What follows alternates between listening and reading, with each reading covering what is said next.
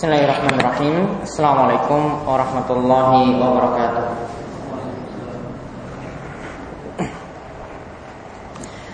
Innalhamdulillah Nahmaduhu wa nasta'inuhu wa Wa na'udhu billahi min sururi anfusina Wa min sayyati amalina.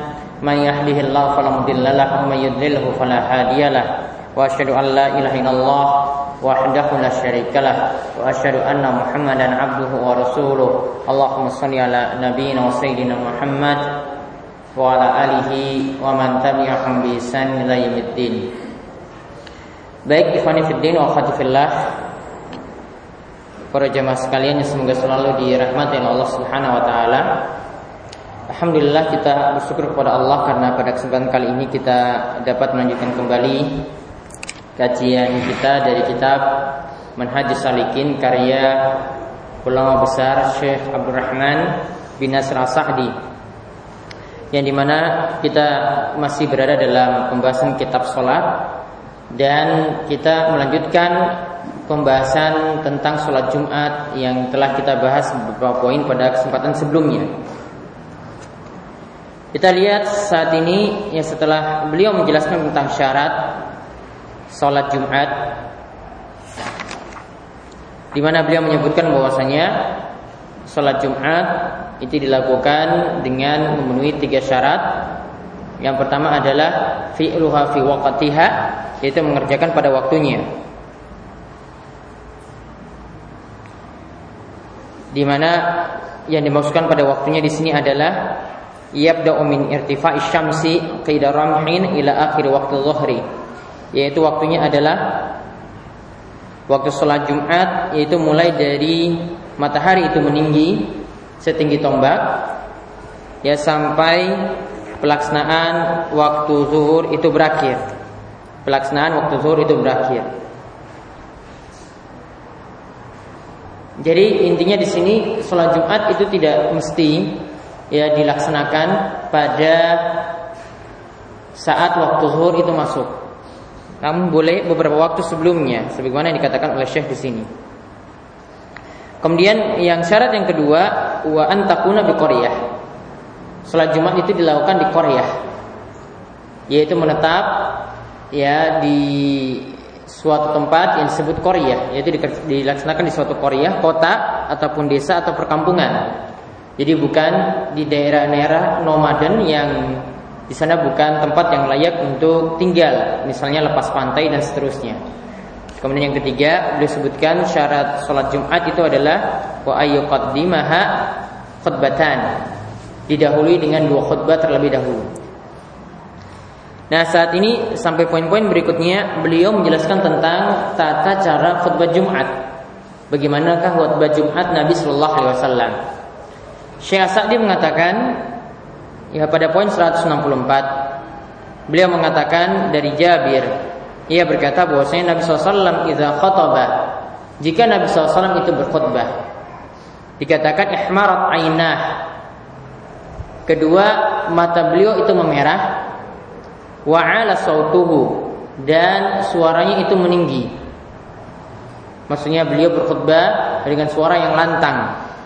Washtadda ghadabuhu dan beliau dalam keadaan seperti orang yang marah hatta ka'annahu munziru sampai beliau ketika berkhutbah itu berteriak seperti pemimpin pasukan saat perang. Jadi mana pemimpin pasukan itu? Ketika perang itu meneriakkan subbahakum wa masakum ini sudah pagi bagi kalian ini sudah sore bagi kalian. Berteriak seperti itu.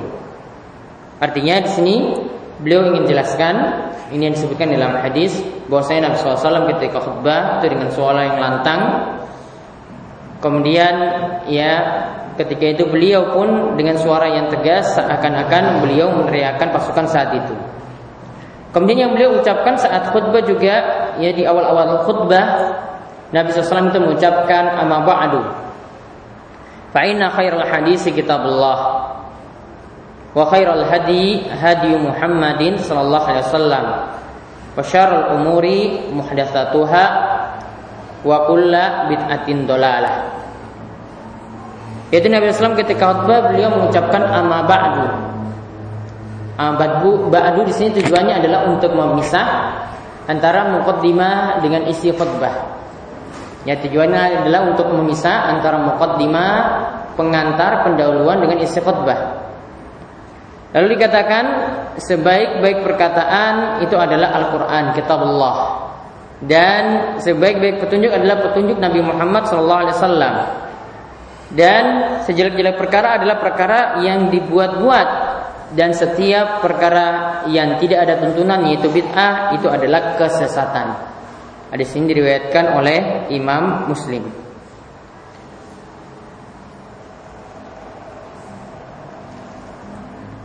Nah, ada disebutkan dalam catatan kaki tiga tadi tidak disebutkan tentang syarat sholat Jumat itu dilaksanakan di Korea, di kampung atau di kota atau di negeri.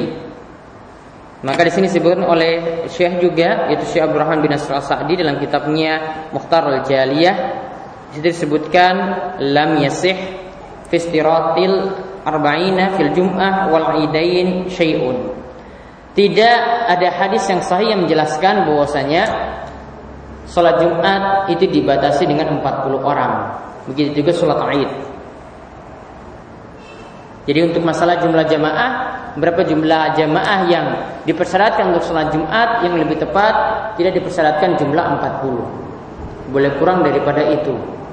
Ya, boleh kurang daripada itu atau kita dapat katakan yang dikatakan sah adalah selama itu masih disebut jamaah sebagaimana sholat jamaah yang lainnya.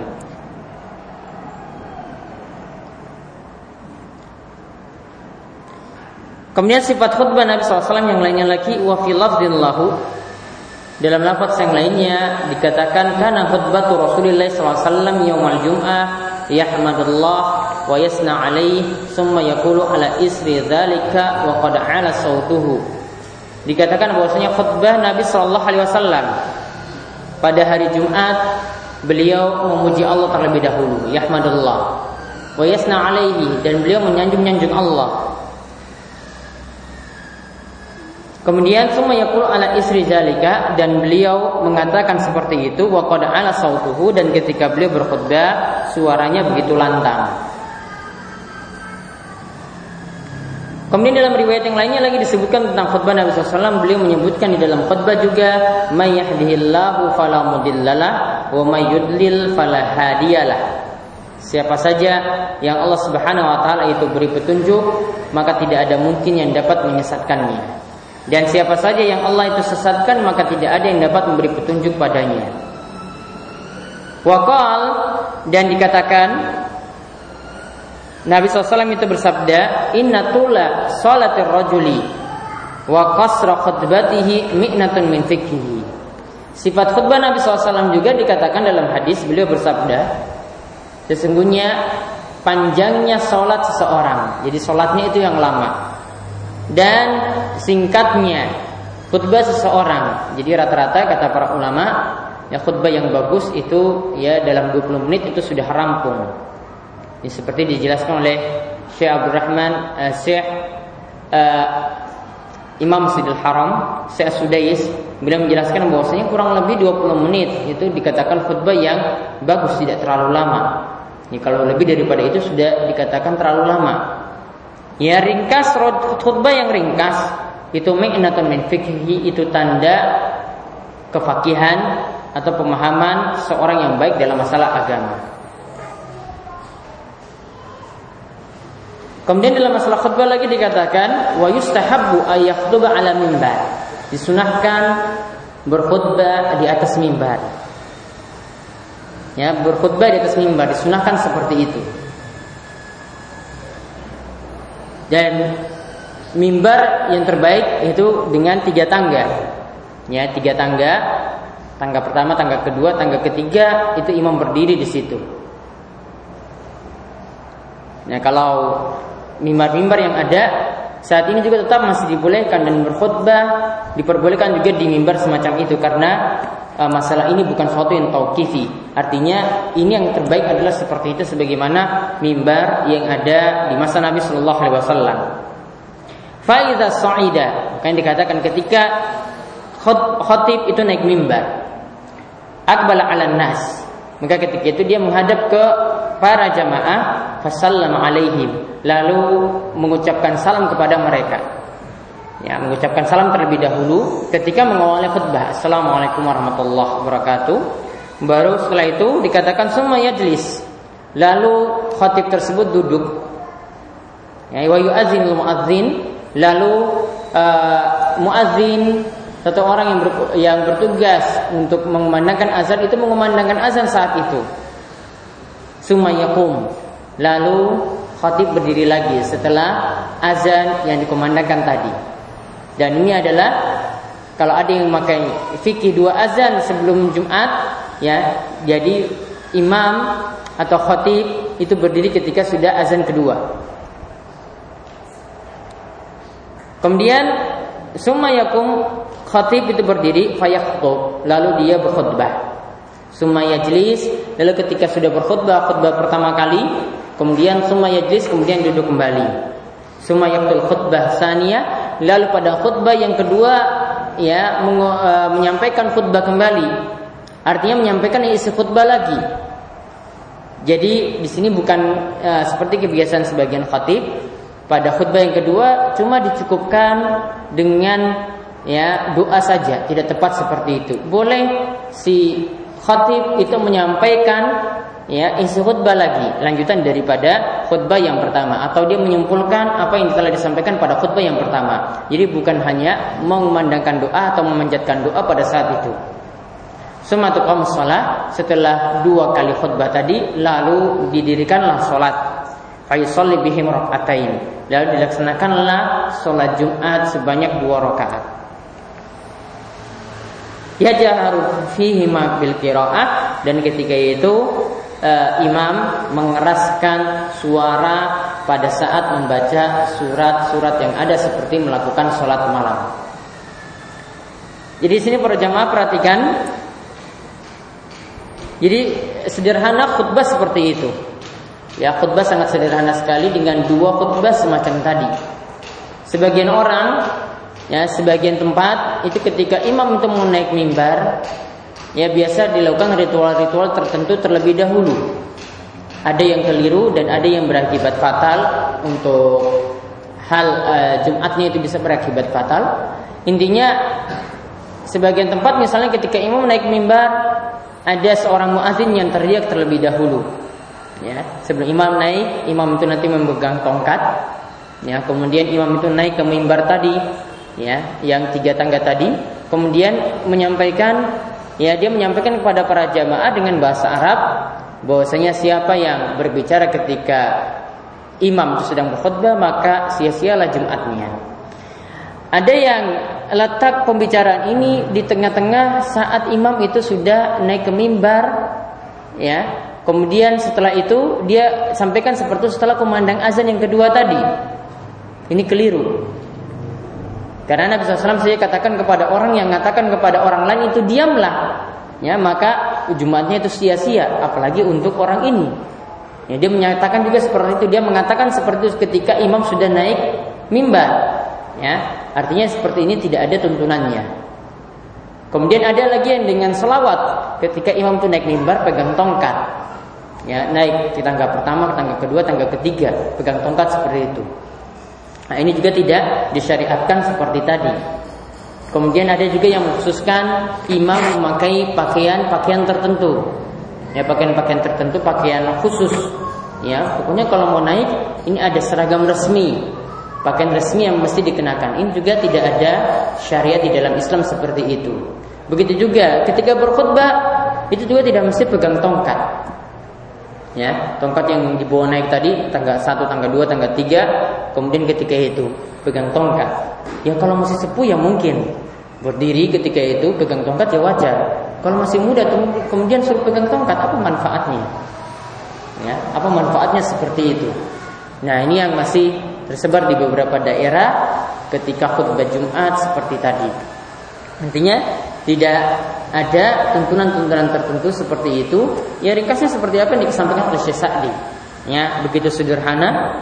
Imam ketika itu naik mimbar, menghadap jamaah sampaikan salam, kemudian setelah itu ya dikumandangkanlah azan yang kedua, baru setelah itu imam itu menyampaikan khutbahnya, khutbah pertama, kemudian duduk lagi. Nah, ada lagi pertanyaan, bagaimana apakah ada doa ketika imam saat duduk untuk nanti setelah itu khutbah kedua? Jawabannya tidak ada uh, dalil khusus yang menyatakan harus ada doa ketika itu. Karena sebagian jamaah ketika hari Jumat itu mengkhususkan doa pada saat itu tidak ada dalil khusus. Yang ada Nabi SAW katakan pada hari Jumat secara keseluruhan itu tempatnya doa. Namun tidak menyebutkan pada saat imam duduk untuk bangkit nanti pada khutbah kedua. Tidak disebutkan pada saat itu. Nah setelah imam duduk, ya kemudian berdiri lagi menyampaikan khutbah kedua juga tadi sudah diterangkan tidak disyaratkan ya untuk membaca doa khusus pada saat itu. Boleh imam menyampaikan kelanjutan dari khutbah yang pertama. Baru setelah itu sudah selesai dua khutbah tadi dengan ditutup dengan doa. Baru setelah itu uh, ditegakkanlah atau didirikanlah sholat Jumat sebanyak dua rakaat dengan bacaan yang dikeraskan. Lalu apa yang biasanya surat yang Nabi SAW baca pada sholat Jumat di sini disebutkan oleh Syekh Sa'di yaqra'u ula pada rakaat yang pertama membaca sabbihisma rabbikal a'la. Itu surat Al-A'la. Kemudian pada rakaat yang kedua membaca hal ataka haditsul ghasyiyah. Yang membaca hal ataka haditsul ghasyiyah. Ini yang dipraktikkan oleh Nabi SAW itu sendiri. Atau dikatakan oleh Syekh Sa'di juga di sini yaitu kata kata beliau saat sholat Jumat beliau mempraktikkan membaca surat, surat Jumat ya surat Al-Jumat dan surat Al-Munafikun ini pernah dipraktikkan oleh sahabat Abu Hurairah kemudian ketika orang-orang itu mendengar Abu Hurairah itu mempraktikkan seperti itu mereka katakan apa yang kamu lakukan itu sebagaimana apa yang dilakukan oleh Ali bin Abi Thalib Kemudian Abu Hurairah mengatakan bahwasanya aku pernah melihat sendiri Nabi SAW untuk membaca dua surat tersebut.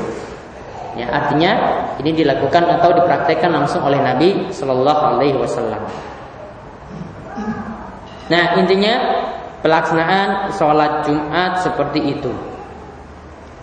Lalu untuk wanita bagaimana? Apakah wanita itu melaksanakan sholat ya mereka akan melaksanakan sholat zuhur. Wanita sebagaimana sudah dijelaskan di awal itu tidak diwajibkan ya sholat Jumat mereka cukup melaksanakan sholat zuhur. Waktunya itu kapan untuk pelaksanaan sholat zuhur tersebut? Jawabannya tidak mesti menunggu selesai ya para jamaah itu pulang dari sholat jumatnya. Mereka boleh laksanakan ketika sholat zuhur itu sudah masuk. Ketika waktu zuhur itu sudah masuk wanita boleh langsung melaksanakan sholat zuhur sebanyak empat rakaat. Namun kalau mereka memilih sholat Jumat di masjid ya maka itu sudah mencukupi dari sholat zuhurnya. Jadi tidak perlu lagi melaksanakan sholat zuhur saat kala itu. Lalu yang terakhir beliau sampaikan tentang hal-hal yang disunahkan ketika hari Jumat. Hal-hal yang disunahkan pada saat hari Jumat. Beliau mengatakan bahwa yustahabbu liman atal Jum'ah disunahkan bagi orang yang menemukan atau menjumpai hari Jumat maka yang pertama ayat tasil disunahkan untuk mandi. Ini tentu saja bagi orang yang punya kewajiban sholat Jumat saja. Sedangkan wanita atau yang tidak menghadiri sholat Jumat tidak punya anjuran seperti ini. Artinya misalnya wanita tatkala itu tidak menghadiri sholat Jumat, mendapati hari Jumat, mereka tidak disunahkan melaksanakan sholat, sholat eh, melaksanakan mandi seperti ini. Ini bagi orang yang e, mereka menghadiri sholat Jumat. Dan di sini dikatakan sunnah. Inilah pendapat jumhur atau mayoritas ulama, bukan wajib. Inilah pendapat yang lebih tepat dalam masalah ini.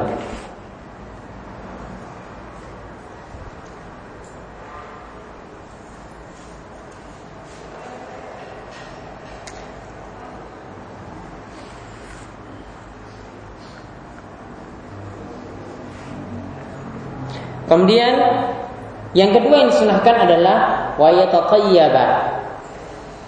Ketika hari Jumat disunahkan untuk memakai wangi-wangian. Karena saat itu orang banyak yang hadir pada ritual Jumat. Sehingga tentu saja kita tidak boleh uh, menyusahkan orang lain dengan bau kita yang tidak enak. Maka ketika itu disunahkan untuk memakai harum-haruman seperti ini.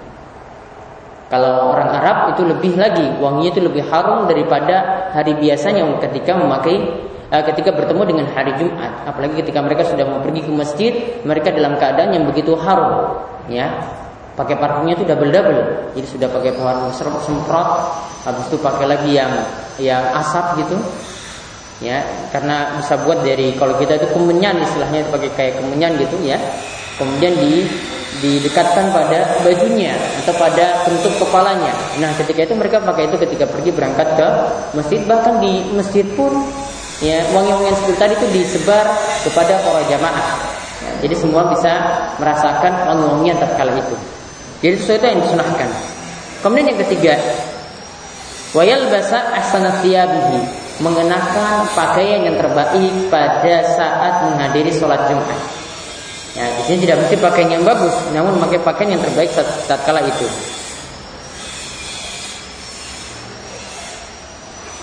Di antara dalilnya ini yang disebutkan dalam hadis Ibnu Umar di mana Umar bin Khattab tatkala itu mengatakan bahwasanya dia mengatakan kepada Rasulullah SAW ya bagaimana jika ini ada suatu pakaian ya ketika ini adalah pakaian yang bagus ya aku itu membelinya. Kemudian aku mengatakannya mengenakannya pada hari Jumat. Dan ternyata ini pakaian ini adalah pakaian sutra ya ini adalah pakaian sutra tentu saya tidak boleh bagi laki-laki. Namun ya Umar bin Khattab ketika itu punya niatan memakai pakaian yang bagus semacam ini. Ya, niatan ini tidak masalah, tapi masalahnya ini adalah memakai pakaian sutra tatkala itu. Maka Nabi SAW itu e, melarang memakai pakaian sutra seperti tadi beliau katakan inamayal bisu. Hadza hadhihi min mala khalaqallahu fil akhirah. Siapa saja yang mengenakan pakaian seperti itu maka dia tidak akan mendapatkan bagian di akhirat. Artinya di sini apa yang dilakukan oleh Umar tadi ketika dia ingin memakai pakaian yang terbaik itu tidaklah masalah. Namun masalahnya dia ketika itu ingin memakai pakaian sutra. Maka tatkala itu Nabi SAW melarangnya dan mengatakan siapa memakai pakaian sutra maka dia tidak akan mendapatkan satu bagian pun di akhirat. Kemudian yang ke empat dikatakan wayukab biro ilaiha wayubak biro ilaiha berpagi-pagi untuk mendatangi salat Jumat. Disunahkan untuk berpagi-pagi artinya lebih cepat itu lebih baik untuk mendatangi sholat Jumat. Karena disebutkan dalam hadis siapa yang datang pada waktu yang pertama artinya di awal waktu ya artinya lebih cepat maka dia seperti berkurban dengan unta. Kemudian yang datang ke waktu yang kedua agak lebih lambat daripada waktu yang pertama, maka dia seperti berkurban dengan sapi. Kemudian ada yang datang pada waktu yang ketiga maka dia seperti berkurban dengan kambing. Ya, maka di sini Nabi SAW itu menyebutkan urutan. Ya, lebih awal itu akan mendapatkan pahala lebih banyak daripada yang datang pada waktu yang kedua dari ya, daripada yang datang pada waktu yang ketiga. Jadi di sini Nabi SAW itu berikan urutan. Di sini juga para ulama berdalil bahwa berkurban dengan unta itu lebih utama daripada sapi ya berkurban dengan sapi lebih utama daripada kambing. Ya, namun di sini para ulama bahas bagaimana jika uh, unta dan sapinya itu patungan. Kalau dibandingkan dengan satu kambing mana yang lebih utama? Jawabannya tetap dengan satu kambing itu lebih utama karena yang dilakukan oleh Nabi SAW biasanya ketika berkurban itu dengan satu hewan utuh, ya satu hewan utuh yang lebih utama. Kemudian disebutkan lagi pada poin 176. Ini di antara adab lagi ketika mendengar khutbah Jumat. Yaitu ada hadis yaitu dalam sahihain yang menyebutkan idza qulta jika engkau mengatakan kepada temanmu ansit diamlah. Ya jika engkau mengatakan pada temanmu ngomongin orang diamlah yaumal jum'ah pada hari Jumat wal imamu yaktub dan imam sedang berkhutbah. Jadi ngomong orang lain saja diam. Maka dikatakan fakot lagot maka orang tersebut Jumatnya telah sia-sia. Maka engkau telah sia-sia Jumatmu. Ya, ngomong orang saja untuk diam, maka dikatakan tidak ada Jumat untuknya. Ya, tidak ada Jumat untuknya. Apalagi kalau ngomong sia-sia. Ini ngomong yang ada manfaatnya. Suruh orang lain diam. Orang lain lagi ngobrol. Kemudian dia teriak juga, "Eh, diam kamu." Tidak ada sia-sia Jumatnya. Tidak ada Jumat untuknya. Sia-sia Jumatnya. Apalagi kalau ngobrol dengan teman, dengan rekannya ketika imam itu sedang berkhutbah saat itu. Tentu saja ya, Jumatnya lebih sia-sia lagi daripada yang ini. Padahal ini untuk memerintahkan yang ma'ruf atau mencegah seseorang dari kemungkaran, itu pun terlarang.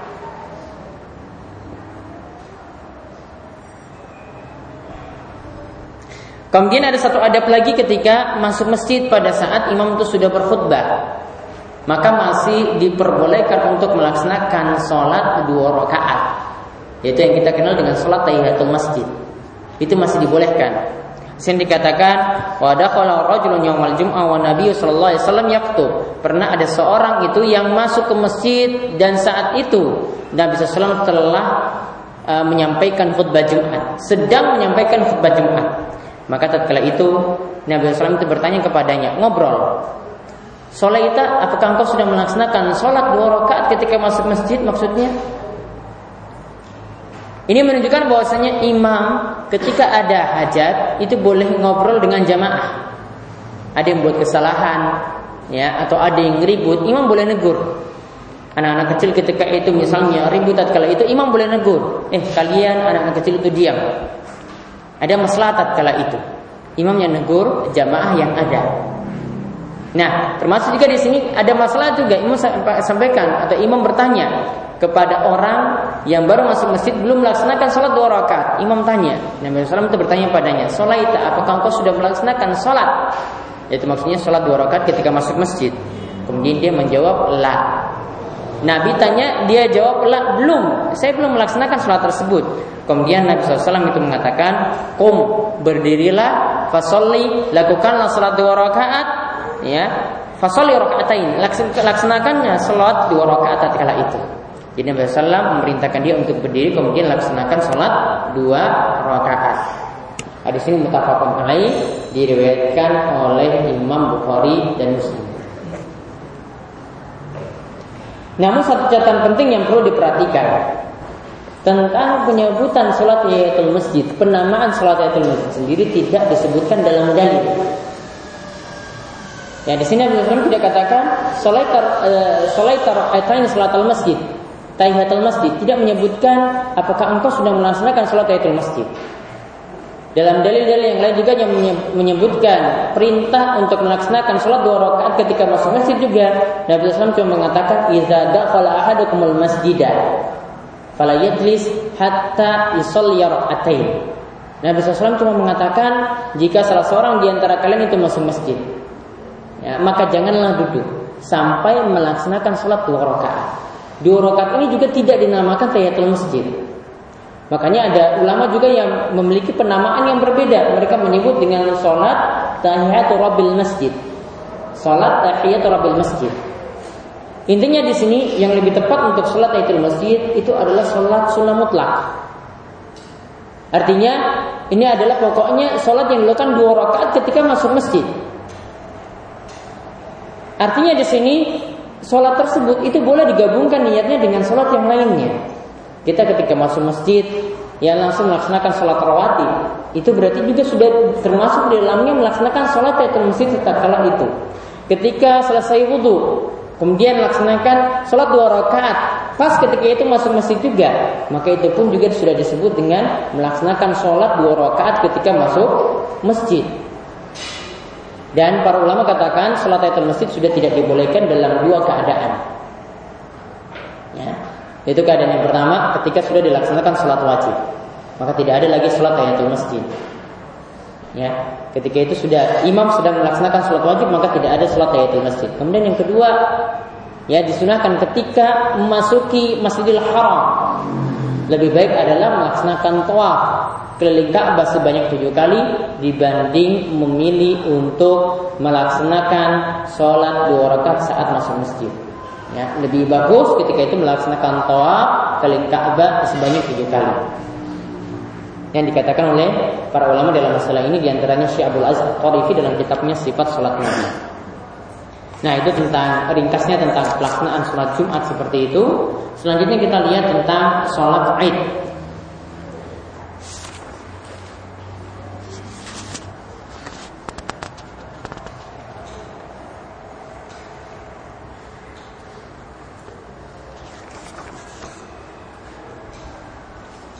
Beliau membawakan bab sholat Idain.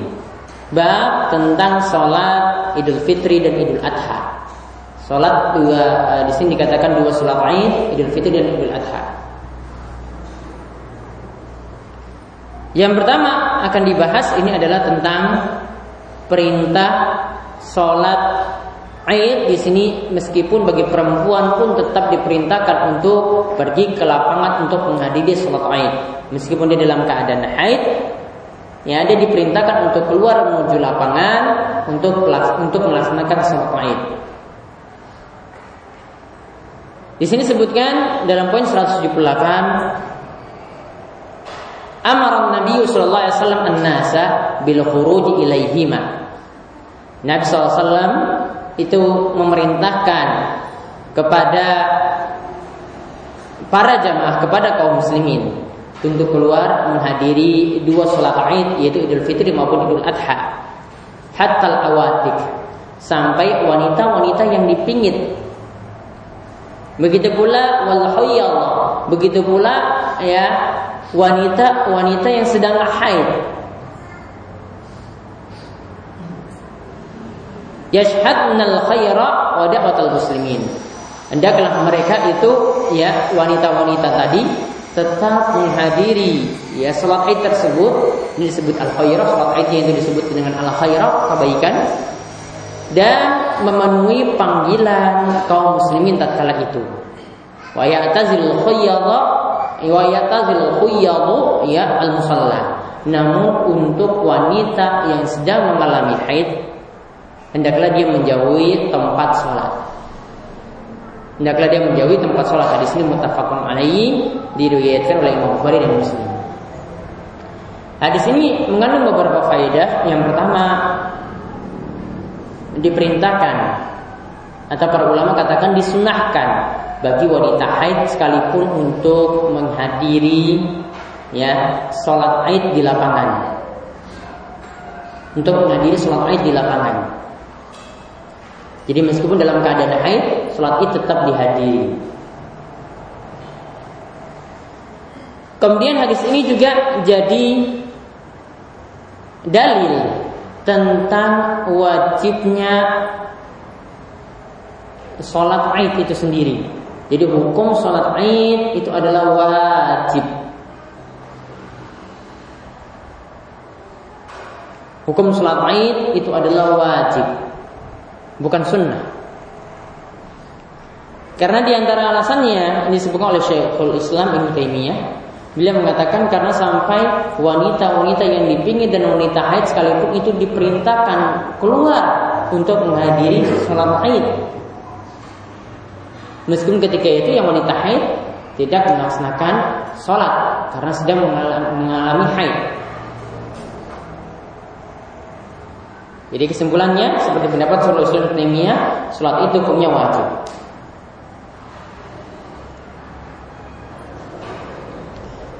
Adapun waktunya disebutkan oleh beliau kapan waktu pelaksanaan sholat Id, beliau mengatakan tifa isyamsi qaida ruhin ila zawal.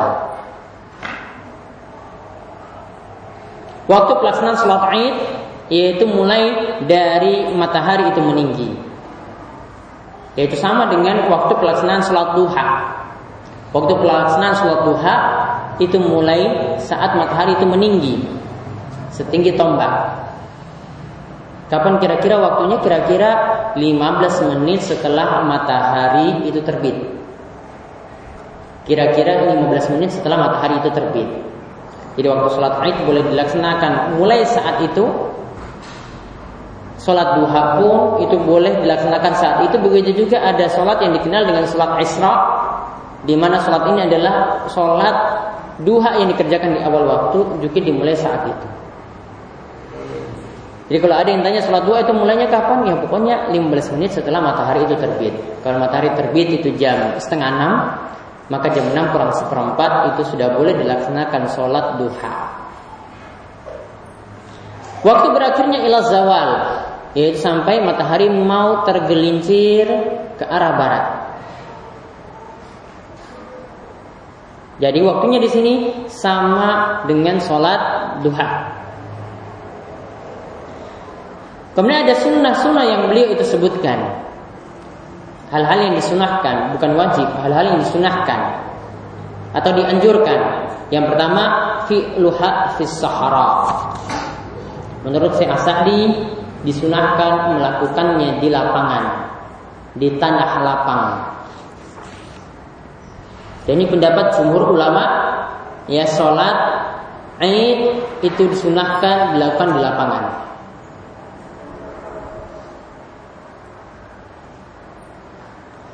Namun dari isyarat beliau di sini kalau ini dikatakan sunnah, maka sah-sah saja juga kalau dilaksanakan di masjid.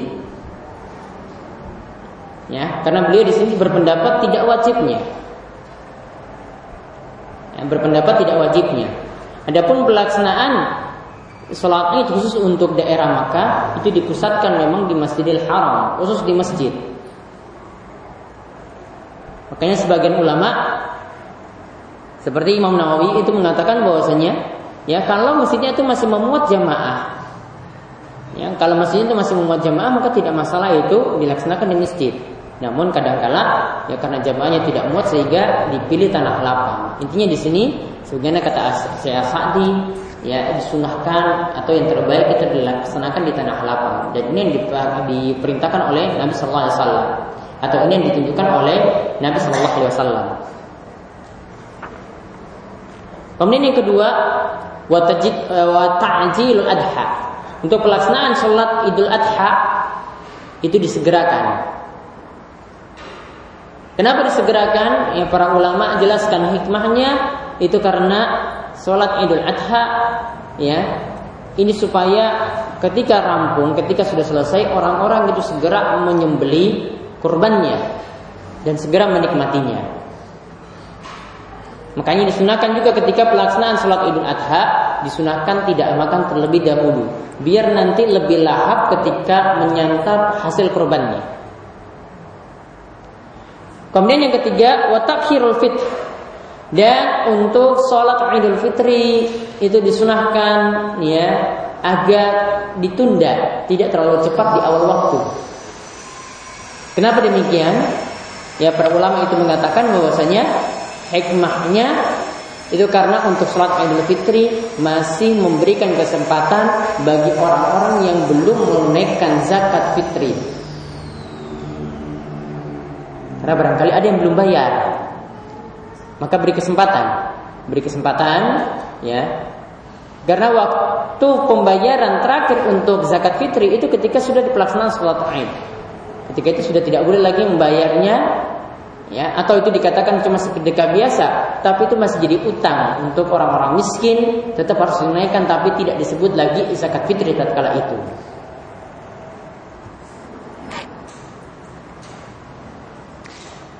Kemudian yang keempat disunahkan kata beliau wal fitru fil fitri khasatan qabla salah.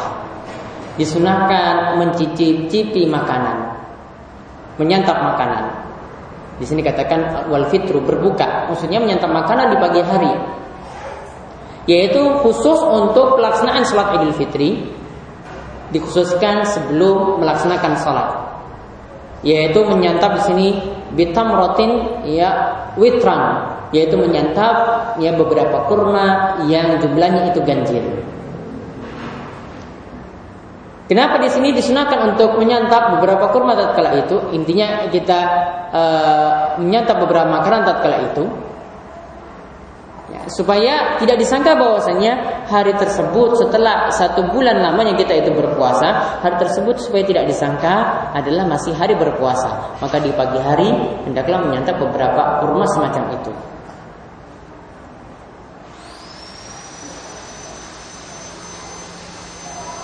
Kemudian yang kelima ini disunahkan lagi adalah wa ayatan nazafa wa ayatatayyaba laha.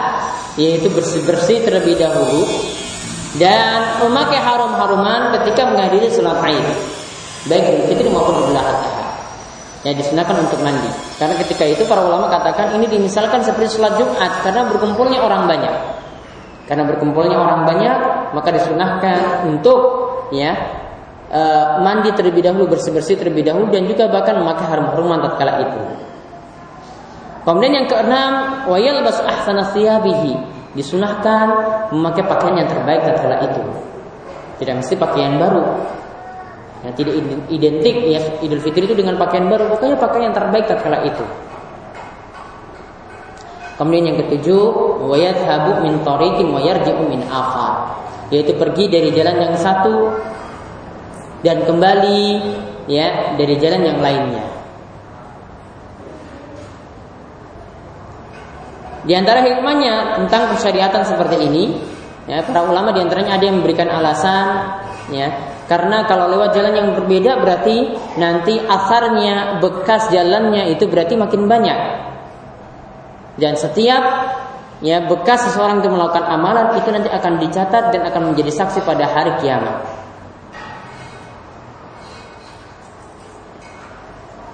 Karena pada hari kiamat disebutkan dalam surat Al-Zalzalah wa qala al-insanu ma laha? Fa iza zulzilatil ardu zilzalaha wa akhrajatil ardu asqalaha wa qala al-insanu ma laha? Yauma idzin tuhaddisu akhbaraha. Pada ayat ini. Pada hari ini yaitu hari kiamat tuhaddisu akhbaraha. Yaitu bumi. Itu akan berbicara atau akan mengutarakan apa yang dilakukan oleh manusia di atas bumi. Di antara tafsirannya adalah seperti itu. Jadi amalan yang mereka lakukan tadi itu akan diomongkan oleh setiap bagian bumi yang ada. Jadi kalau bagiannya berbeda ketika pergi lewat jalan ini, ya ini akan jadi saksi. Kemudian lewat jalan yang lainnya ini bagian ini juga akan jadi saksi.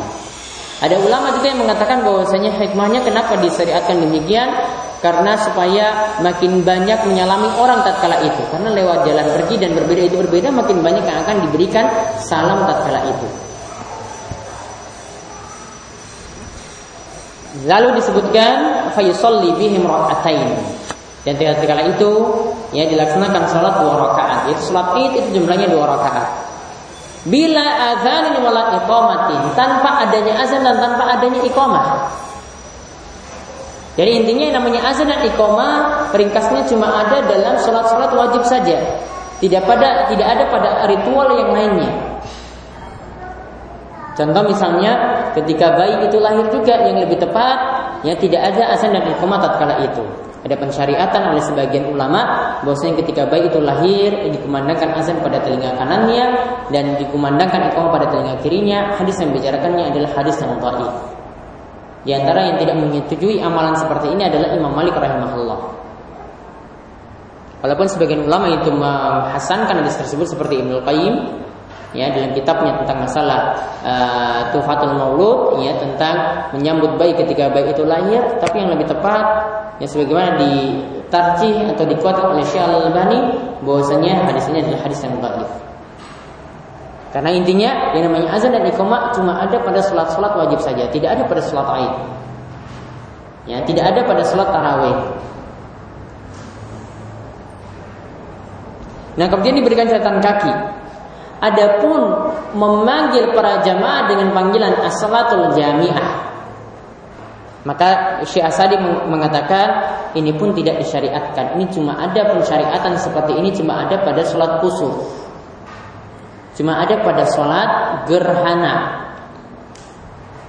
Lalil aidain bukan pada sholat aid. Walal istisqa bukan pada sholat meminta hujan. Kata beliau li annahu lam yarid illa fil kusuf. Karena dalil yang ada cuma mengatakan panggilan as-salatul jami'ah itu cuma ada pada sholat kusuf atau sholat gerhana saja. Wala hajata ila nida fiha likauni waqtiha ma'luman bi khilafil kusuf. Ya. Dan juga tidak butuh untuk memanggil semacam itu ya. Karena waktunya itu sudah maklum berbeda dengan sholat kusuf karena kalau sholat kusuf sholat gerhana kita tidak jelas waktunya itu kapan kapan gerhana itu datang Ya. Boleh jadi di malam hari, boleh jadi di siang hari, maka para jamaah dipanggil seperti itu. Namun kalau untuk sholat id, waktunya sudah tahu di pagi hari. Ya, waktunya itu sudah jelas, sehingga tidak butuh panggilan semacam itu. Kata Syekh Sa'di alasannya seperti tadi.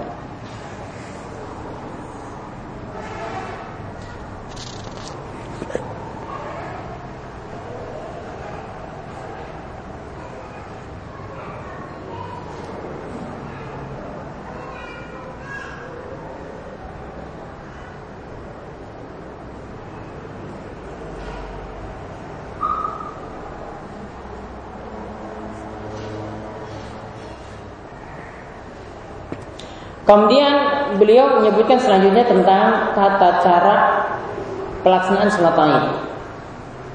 Tata cara pelaksanaan sholat Aid, saya menyebutkan yang pertama, beliau katakan pada poin 183, biru fil ula. Pada rakaat yang pertama, ya, imam itu mengucapkan takbir Allah Akbar. Itu sebanyak sabaan sebanyak tujuh kali bitakbiri bitakbiratul ihram. Ya, tujuh kali di sini dikatakan sudah termasuk di dalamnya ucapan Allahu Akbar untuk takbiratul ihram. Namun tentang masalah ini, ya ulama yang lainnya mengatakan bahwasanya ucapan takbiratul ihram itu tidak termasuk dari yang tujuh tadi. Ya, tidak termasuk dari yang tujuh tadi. Intinya para ulama beristihad dalam masalah ini karena dalam hadis yang dikatakan at-takbir fil fitri sama'an fil ula. Ya, takbir ketika sholat Idul Fitri itu ada tujuh kali pada rakaat yang pertama. Wa khamsun fil akhirah dan ada lima kali pada rakaat yang kedua. Maka di antaranya Ibnu Qayyim itu menyebutkan dalam kitabnya Zadul Ma'ad yang dimaksudkan di sini adalah tujuh kali takbir tambahan. Ini tidak termasuk takbiratul ihram.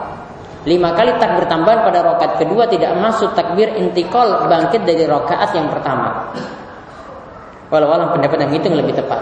Jadi yang tujuh ini yang lebih tepat tidak termasuk kehitungan takbiratul ihram. Kalau tambah dengan takbiratul ihram berarti jadi berapa? Jadi delapan.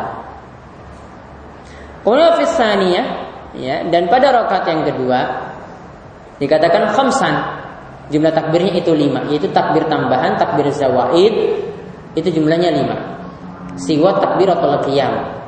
Ini selain hitungan untuk takbir bangkit dari rakaat yang pertama.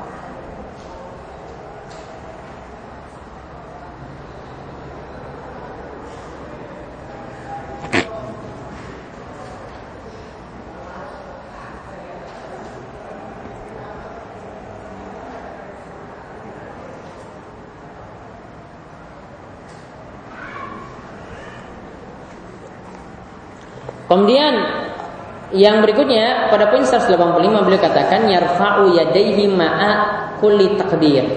Ma'a kulli takbirah. Yaitu ketika bertakbir. Takbir apa nih maksud sini? Takbir yang tujuh dan takbir yang lima. Yaitu takbir zawaid. Istilahnya itu takbir zawaid. Untuk takbir zawaid tadi setiap kali bertakbir disunahkan mengangkat tangan. Ya disunahkan mengangkat tangan. Jadi ada mengangkat tangan situ sebanyak tujuh kali, ya. Setelah, selain takbiratul ihram, kemudian yang mengangkat tangan lagi lima kali selain takbir bangkit dari rakaat yang pertama. Namun ketika itu ketika bangkit ke rakaat yang kedua disunahkan angkat tangan atau tidak? Tidak, ya. Jadi intinya pada rakaat yang kedua ada lima kali mengangkat tangan juga, dibarengi dengan mengucapkan takbir tadi. Apa dalilnya di sini? Kembali kepada keumuman hadis Nabi SAW ya. Yang menyariatkan atau yang memerintahkan ketika selain turun sujud atau bangkit dari sujud ya ketika itu diperintahkan mengangkat tangan. Selain turun sujud atau bangkit dari sujud itu diperintahkan untuk mengangkat tangan. Ya misalnya kita turun untuk rokok maka ketika itu kita turun angkat tangan. Namun kalau turun sujud angkat tangan atau tidak tidak. Bangkit dari rakaat pertama ke rakaat kedua tidak angkat tangan. Maka untuk takbir zawaid karena ini bukan maksud untuk sujud bukan maksud untuk bangkit dari sujud ketika itu disunahkan juga tetap mengangkat tangan. Maka kaidah ini juga berlaku untuk sholat janais. Nanti akan dibahas setelah setelah penjelasan tentang sholat id di sini. Kemudian pada poin 186 masih diterangkan tentang takbir zawaid tadi. Wa yahmadullah yusolli ala Nabi SAW baina kulli takbiratain. Di antara dua takbir, itu takbir zawaid tadi kan yang tujuh. Di antara dua takbir yang ada disunahkan lagi untuk memuji Allah atau berselawat kepada Nabi Shallallahu Alaihi Wasallam. Namun tidak diajarkan sini dengan bacaan-bacaan yang tertentu. Artinya di sini dengan bacaan yang umum itu dibolehkan. Ya Ahmadullah berarti boleh mengucapkan Alhamdulillah antara dua takbir tersebut atau dengan salawat Allahumma sholli ala Muhammad. Atau sah-sah saja ketika itu kita ucapkan seperti yang di, dilakukan oleh masyarakat kita, ya, Subhanallah, Alhamdulillah, wala ilallah, wallah, akbar tatkala itu. Kemudian pada poin 187 dikatakan summa yaqra'ul Fatihah wa surah. Lalu setelah takbir zawaid tadi lalu membaca surat. Ya, Al-Fatihah ya dan membaca surat yang lainnya.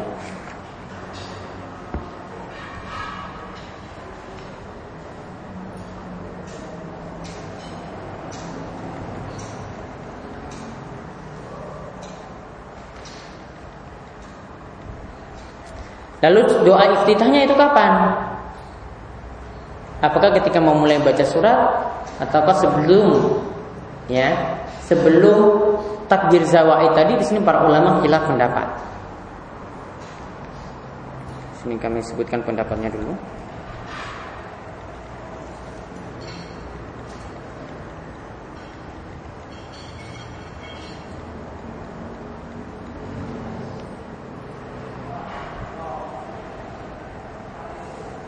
Jadi ada yang mengatakan doa iftitahnya itu sebelum baca surat. Berarti setelah takbir zawaid baru baca doa iftitah.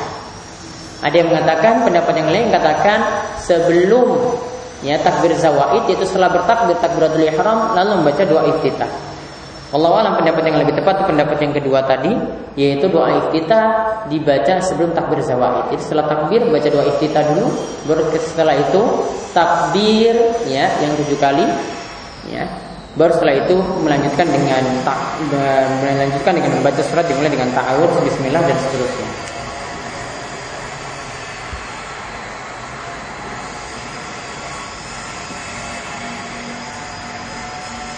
Namun istiadat para ulama ada yang berpendapat lain daripada itu karena dalilnya tidak tegas dalam masalah ini.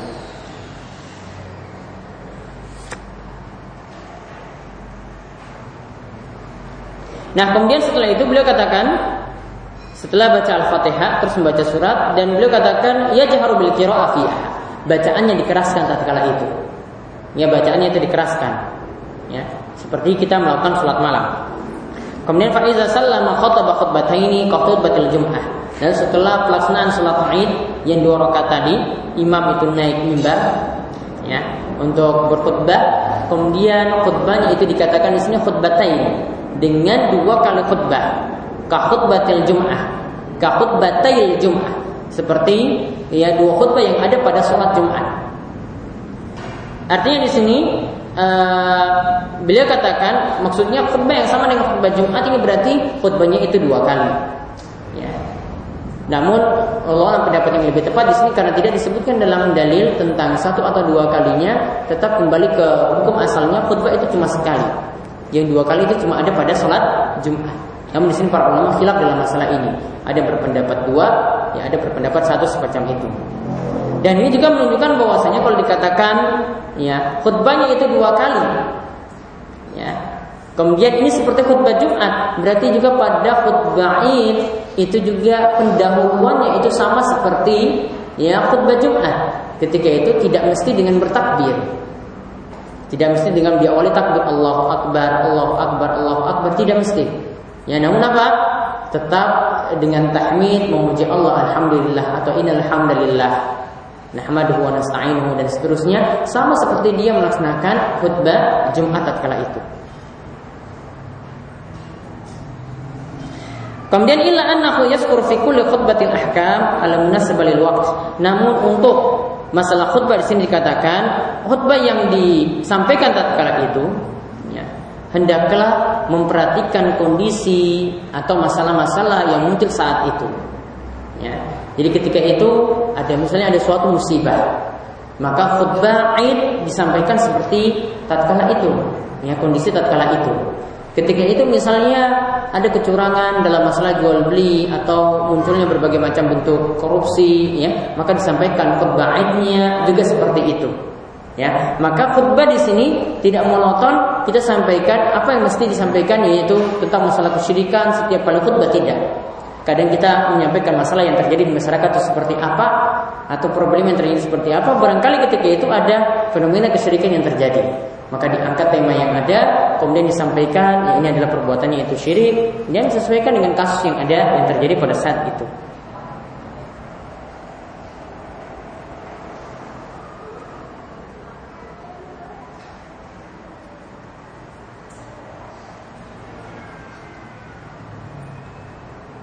Nah, kemudian selanjutnya hal-hal yang disunahkan ketika hari Aid Ya pada poin 191 beliau sampaikan yang disunahkan pada saat hari Id yang pertama ya dikatakan takbir mutlak. Artinya takbir fi ay waktin.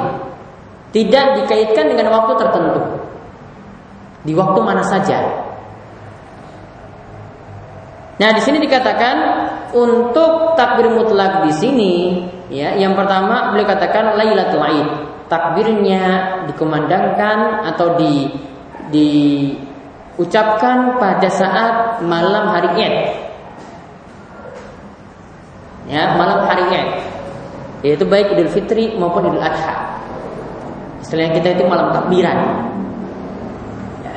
Namun yang lebih tepat tentang masalah ini uh, untuk sholat Id itu sendiri Nabi SAW itu biasanya memanjatkan takbir ya memandangkan takbir itu ketika beliau mau pergi keluar menuju lapangan sampai sholat Id itu dilaksanakan Tapi ini istiad dari para ulama ada yang menyampaikan seperti itu. Pada malam hari raya itu juga disunahkan untuk banyak-banyak bertakbir. Kemudian wafikuli asyir hijjah Kemudian takbir mutlak juga itu ada pada 10 hari pertama dari bulan Zulhijjah. Jadi mulai dari tanggal 1 sampai tanggal 10. Mulai dari tanggal 1 sampai tanggal 10. Dan untuk masalah ini para ulama menambahkan lagi, di sini tidak disebutkan disebutkan oleh Syekh, termasuk juga hari-hari tasyrik. Hari-hari tasyrik berarti apa? 11, 12, 13. Tapi nanti yang ada tasrif sini masuk kepada yang kedua, takbir muqayyad. Maka yang disunahkan lagi yang kedua beliau katakan takbir muqayyad artinya di sini beliau sebutkan akibal maktubat yaitu di, di, di, diucapkan takbir ini setelah salat wajib. Min salatul fajr yaitu uh, yang ada takbir muqayyad di sini ada ketika uh, salat fajar yaitu salat subuh pada hari Arafah. Hari Arafah tanggal berapa? 9 Dzulhijjah ila asri akhir ayam tasrik sampai waktu asar pada hari terakhir dari hari tasyrik. Berarti tanggal 13. Ya, berarti tanggal 13-nya pada waktu asarnya. Jadi setelah selesai sholat wajib, ya masing-masing jamaah itu mengumandangkan takbir seperti ini. Jadi bertakbir masing-masing.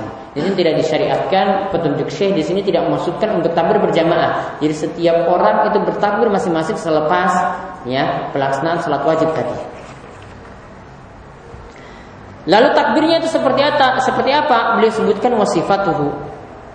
Tata cara takbirnya yaitu ucapkan saja Allahu Akbar, Allahu Akbar, La ilaha illallah, Allahu Akbar, Allahu Akbar, walillahil hamd.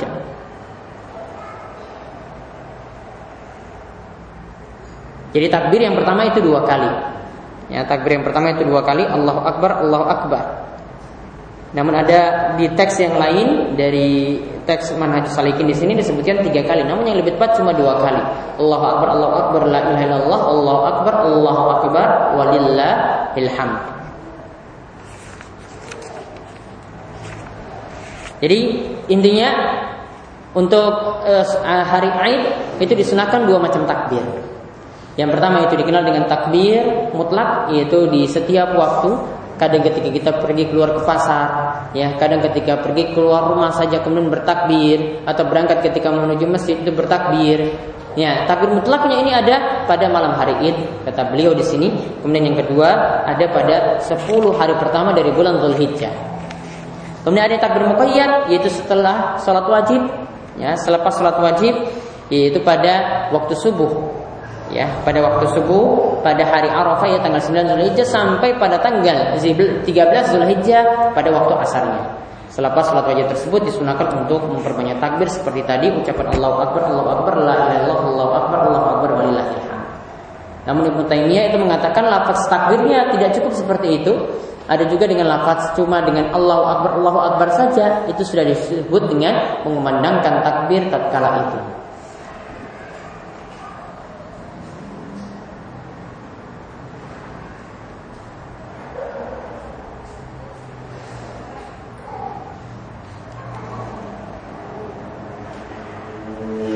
Nah tadi di antara alasan yang kenapa tadi doa iftitahnya itu dibaca setelah takbiratul ihram langsung dimulai dengan doa iftitah baru takbir zawaid. Di sini disebutkan oleh Ibnu Qudamah bahwasanya doa iftitah itu ada untuk membuka sholat.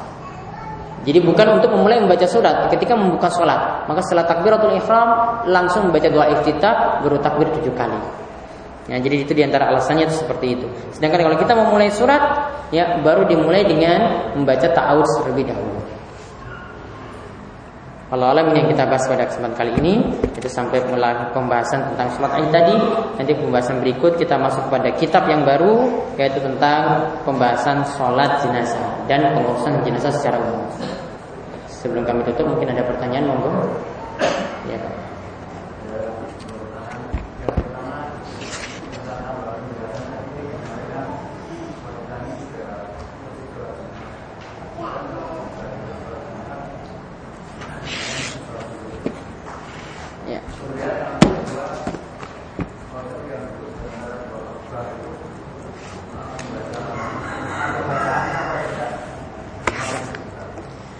Untuk imam ketika dia dulu di antara dua khutbah tidak ada bacaan khusus karena tidak ada dalil yang menyebutkan bacaan khusus tatkala itu. Jadi dia diam pun itu dibolehkan dia berzikir ya satu dua zikir dia baca pun dibolehkan. Artinya tidak disunahkan dengan bacaan-bacaan tertentu saat itu. Nah, untuk tadi untuk wanita ya untuk wanita Dikatakan tadi bahwasanya wanita tidak punya kewajiban untuk melaksanakan sholat jemaah. Cukup sholat zuhur saja. Ini sudah diisyaratkan dengan perkataan sesaat di awal. Beliau katakan ketika menjelaskan tentang masalah sholat Jumat, beliau katakan kullu man lazimatul jamaah. Setiap orang yang diwajibkan sholat jamaah, lazimatul jum'ah, maka dia wajib untuk melaksanakan sholat Jumat. Berarti yang tidak wajib jamaah ya tidak wajib untuk melaksanakan sholat Jumat. Artinya di sini kita dapat katakan bahwasanya kalau wanita, ya, misalnya dalam masalah sholat jamaah saja, kalau dia sudah melaksanakan sholat jamaah bersama imam di masjid, maka berarti kan sholat di rumahnya kan jadi tidak dilakukan lagi. Maka demikian juga untuk sholat Jumatnya. Ketika dia laksanakan sholat Jumat juga demikian. Padahal dia tidak wajib sholat Jumat kan? Dia tidak wajib sholat Jumat. Ya, maka ketika itu dia juga tidak wajib untuk mengulangi sholat Jumat ini ganti sholat zuhur lagi di rumah. Tidak. Padahal dia tidak diwajibkan sholat Jumat tatkala itu. Maka kaidahnya seperti tadi untuk wanita sama seperti dia melaksanakan sholat jamaah. Ya, kalau dia sudah melaksanakan sholat jamaah, dia tidak perlu lagi melaksanakan sholat di di rumahnya. Maka demikian juga untuk sholat Jumat baginya. Ketika dia sudah melaksanakan sholat Jumat di masjid, ya maka dia juga sudah gugur sholat Jumatnya sholat zuhurnya kala itu. Ya. Jadi yang berkaitan dengan sholat Jumat seperti itu untuk wanita. Ya. Tentang ketika imam berdoa itu kan disunahkan. Iya. Tidak boleh mengatakan. Iya. Kalau yang makmum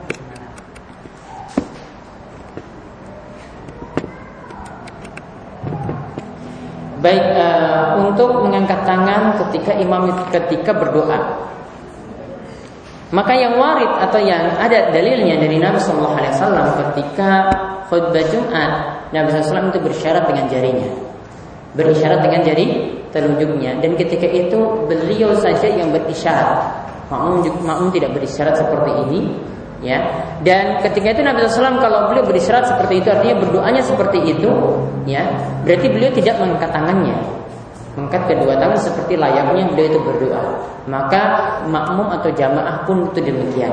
Jadi lebih tepat jamaah juga tidak mengangkat tangan seperti itu, ya juga tidak mengangkat jari, tapi itu hanya khusus untuk imam.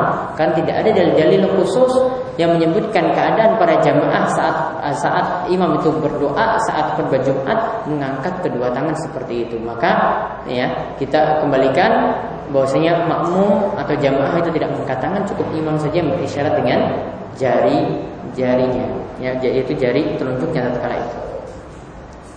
Ya Bagaimana mengedarkan khotbah antara ketika Jumat, kemudian ketika imam mengucapkan uh, salawat kepada Nabi dan uh, para jamaah juga ikut Sallallahu Alaihi Wasallam. Itu Bagaimana? Apakah itu membatalkan atau menyanyiakan? Jumat? Baik. Untuk mengucapkan salawat, dulu saya bahas untuk mengucapkan salawat ya dari penjelasan para ulama yang ada, katakan salawat tetap diucapkan namun tidak dijaharkan. Ya, karena diperintahkan untuk imam eh, di, untuk jamaah ketika imam untuk berkhutbah mereka itu diam. Ya, diam di sini lebih eh, keras larangannya lebih keras larangannya. Sedangkan mengucapkan salawat itu lebih ringan derajatnya. Maka ketika itu kesimpulannya para ulama itu katakan bahwa untuk ucapan salawat itu cukup dijawab sir saja. Ya. Begitu juga kalau mau mengaminkan doa juga cukup sir saja. Tidak perlu dikeraskan. Adapun tadi untuk mengedarkan kotak infak Allah saya belum bisa menjawabnya. Saya cari dulu fatwa ulama tentang masalah ini. Ada lagi di poin ke 180 dikatakan sunnah kemudian di poin ke 191 itu poin setengah kira-kira perbedaannya apa? Poin ke 180 dikatakan sunnah terus terus pada poin poin 191 itu mustahil mustahab. Dua-duanya maksudnya sunnah, hukumnya sunnah, disunahkan, bukan wajib. Jadi kalau yang poin 180 itu tentang pelaksanaan sholat Aid. Kalau poin 191 itu tentang amalan yang dilakukan pada hari Aid. Ya, jadi pada 180 itu tentang yang dilakukan ya pada pelaksanaan sholat Aid. Sholat itu mesti apa sih yang dilakukan? Disunahkan di lapangan. Ya, kemudian waktunya untuk sholat Idul Adha seperti ini, untuk sholat Idul Fitri seperti ini. Namun kalau untuk poin 191 untuk amali amaliyah saja pada hari Aid atau menjelang hari Aid. Itu bedanya di situ. Dua-dua sama-sama disunahkan, artinya bukan hal yang diwajibkan. Fikihnya seperti itu. Ya. Apakah ada rukun-rukun khutbah Jumat? Apakah ada rukun-rukun khutbah Jumat? Kalau sisa di sini tidak menyebutkan, tapi kalau dalam fikih Syafi'i ada. Ya. Kalau fikih Syafi'i Coba nanti silakan lihat urutannya ada di uh, matan Al-Ghaya wa Takrib. Di antaranya ada dua khutbah, kemudian di situ harus memuji Allah, ya bersalawat kepada Nabi, kemudian nasihat takwa. Ada beberapa poin yang lainnya, tapi tidak disebutkan di sini. Namun intinya Syekh Sa'di kalau tidak menyebutkan berarti beliau cuma menganggap ketika pelaksanaan khutbah Jumat yang harus ada adalah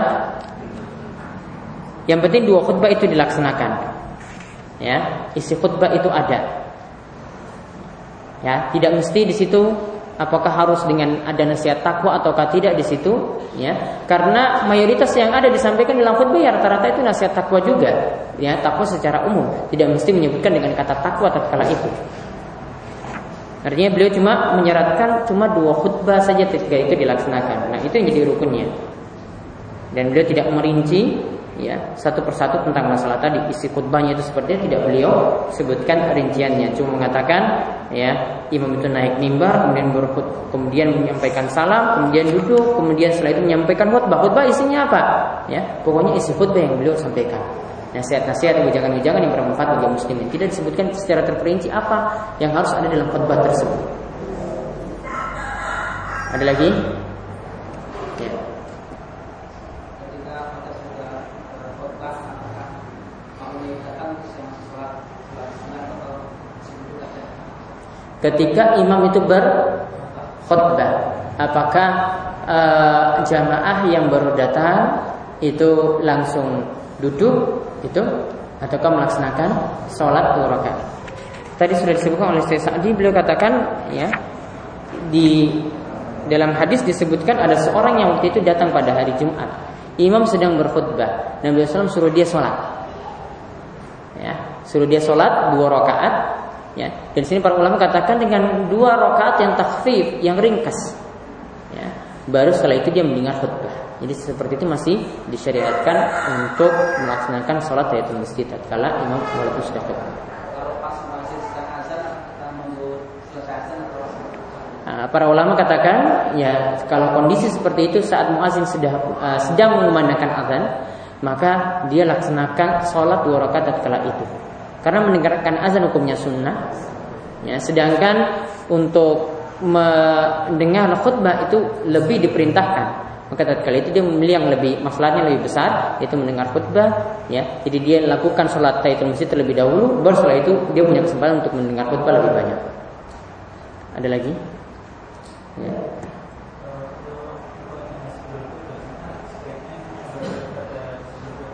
bebas Syekh Asadi juga tidak menyebutkan dengan haruskah dengan alhamdulillah ya yang penting berisi tahmid dan salawat di dalamnya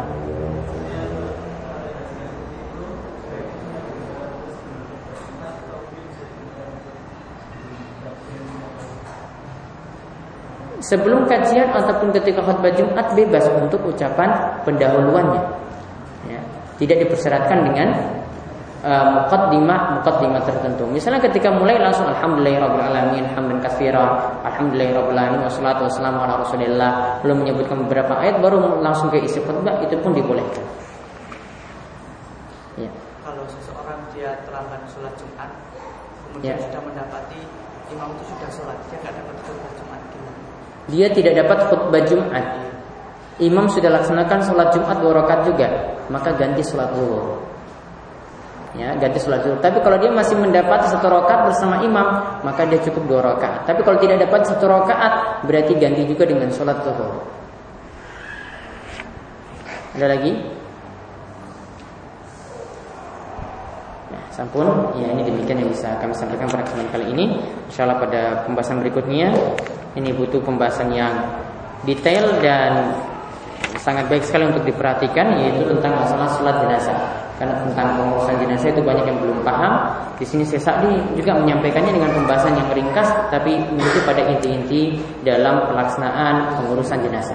Ya demikian, semoga bermanfaat. Subhanallahumma bihamdika, asyhadu la ilaha illa anta, astaghfiruka wa atubu ilaik. Wassallallahu ala nabiyyina Muhammadin wa ala alihi.